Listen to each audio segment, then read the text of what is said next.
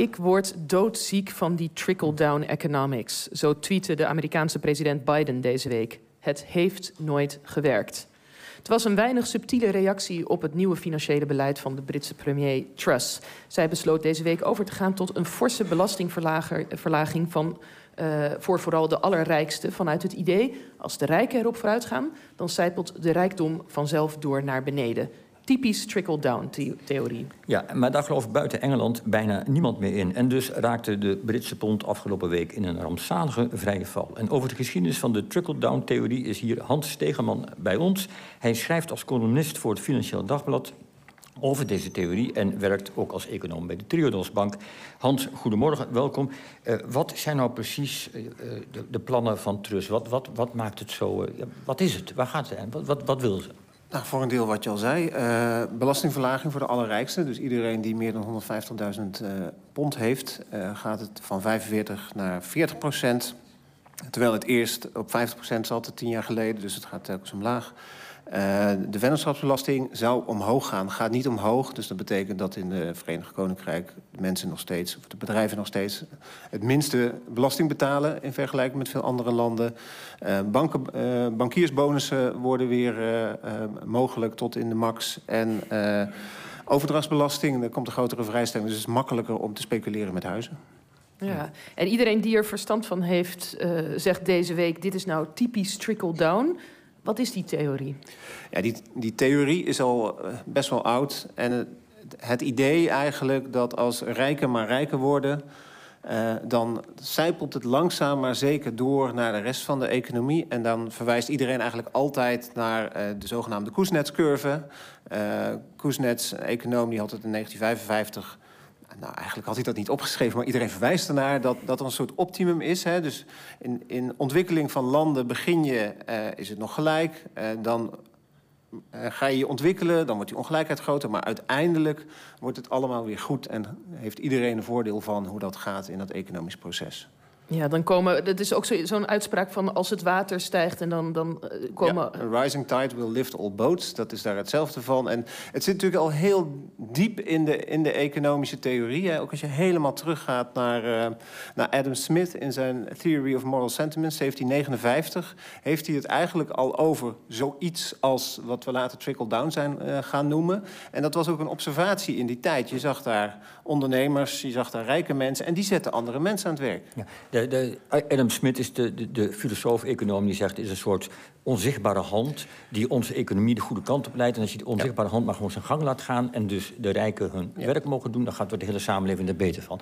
Die, die meneer, eh, hoe noem je dat? Kuznets, uh, 1901 geloof ik, komt hij tot die theorie. Kun je, kun je iets over die man vertellen, waar, waarom nou, hij, hij, dat bedacht? Hij komt niet in 1901, komt hij in Amerika. Oh, dan is hij geboren, uh, ja. En, of is hij geboren en later is hij vroeg migrant ja. in Amerika. En wat hij in... Uh, en, het is, een, het is een, een empirisch econoom. Dus hij probeert dingen te begrijpen op basis van data. Dus wat hij in de jaren 30 bijvoorbeeld heeft gedaan, is uh, wat wij nu economische groei zijn gaan noemen.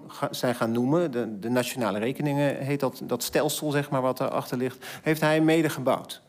En uh, dan zou je misschien denken van ja, maar dan is hij dus ook schuldig aan alles wat we hè, aan, aan groeifetischisme. Hij zei in, in de jaren dertig al van nee, dit is geen welvaart, dit is het meten van productie.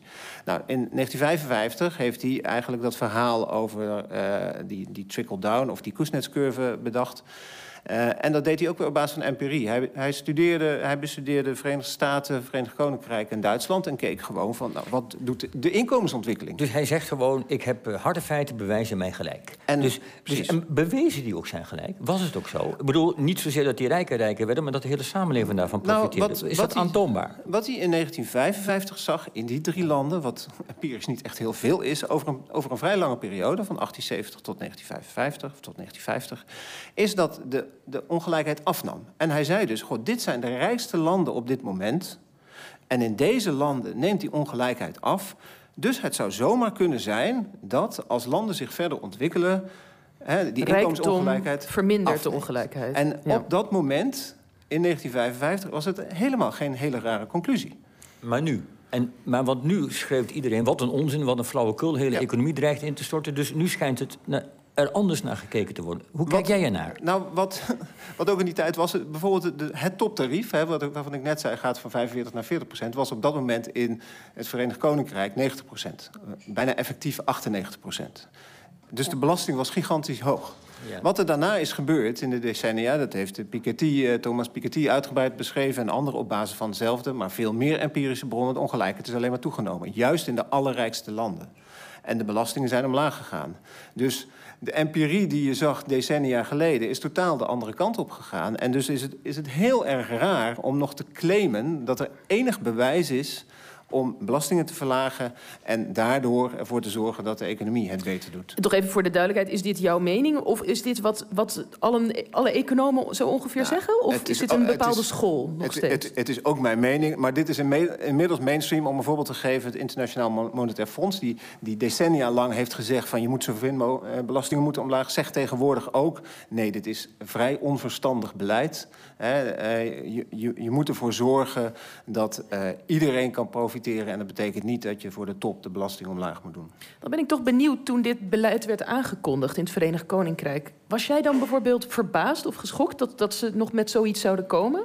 Ja, het is, het, het is echt enorm achterhaald beleid. Het, het is het is eigenlijk nauwelijks voor te stellen, zeker niet op dit moment. Hè. Het ging er net ook even over. Uh, in een crisis zie je dat de armsten altijd lijden. Nou, in de Verenigde Staten hebben we, of in het Verenigd Koninkrijk hebben we net als in, in Nederland een behoorlijke inflatiecrisis. En een energiecrisis. Gisteren gingen de mensen de straat op. En op zo'n moment zo'n beleid voorstellen is echt, het is echt absurd. Dat vind ik niet alleen, hè? dat vindt iedereen. Ja, hoe verklaar je dan dat zij erin gelooft, dat Truss erin gelooft? Of denkt zij misschien helemaal niet dat dit trickle-down is? Ziet zij dit iets heel anders? Nou, ik mag hopen dat ze het niet denkt. Want dat zou niet pleiten voor haar intelligentie, als ik eerlijk ben. Uh, ik denk dat het een soort cliëntelisme is uiteindelijk. Hè? Als je kijkt door wie zij gekozen is op dit moment. Er zijn geen verkiezingen geweest. Alleen de Tories, dus de conservatieve partij... vergrijsde uh, blanke mannen, uh, over het algemeen, hebben gestemd voor haar. En die hebben wel een bepaald belang. Maar er, er wordt ook gezegd, zij doet Thatcher naar. Hè? als ze dit doet, dan krijgt ze haar... Want ze is veel bekritiseerd. Johnson staat achter de coulissen te ademen om weer terug te komen. Ja. Ik zit hier ook een politiek element in... wat ze denkt, als ik dit doe, dan kan ik de sterke vrouw gaan uithangen. Ja, dat, dat, dat is misschien... Maar beleid moet je altijd zien in de context van de tijd. Waar het in Thatcher, toen ze dat deed, eind jaren 70, begin jaren 80... het misschien voor een deel echt wel verstandig was om de belastingen te verlagen... is het nu echt waanzin.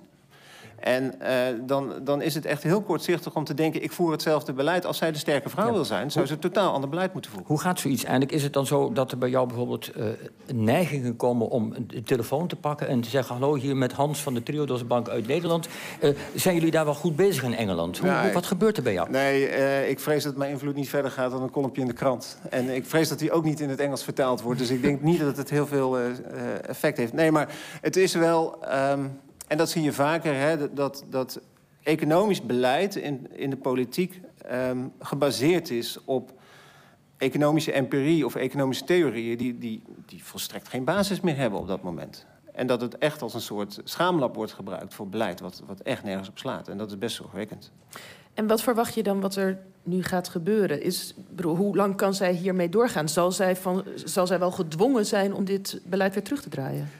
Nou, het, het, is een zin die ik niet vaak zeg, maar financiële markten zijn best nuttig op dit moment. Um, want financiële markten zorgen er op dit moment voor dat ze, ja, dat ze heel erg onder vuur ligt. De, de rente is, is meer dan 4%, de pond is op, op all-time low ten opzichte van de dollar. En dat betekent dat de speelruimte voor dit kabinet heel klein wordt. Um, dus je mag hopen dat die druk vanuit financiële markten en, en hopelijk druk vanuit mensen ertoe leidt dat het beleid verstandiger wordt. Uh, ze heeft gisteren nog gezegd dat ze dat niet gaat doen. Dat mensen maar gewoon even pijn moeten lijden en dat het allemaal goed komt. Uh, ik denk niet dat ze dit volhoudt. Oké. Nou, Hans Stegeman, econoom en uh, columnist bij het Financiële Dagblad, bedankt voor deze toelichting. En wij gaan er eventjes uit voor het nieuws van 11 uur. En dan straks aan gene zijde van 11 uur, dan zijn we terug met meer OVT.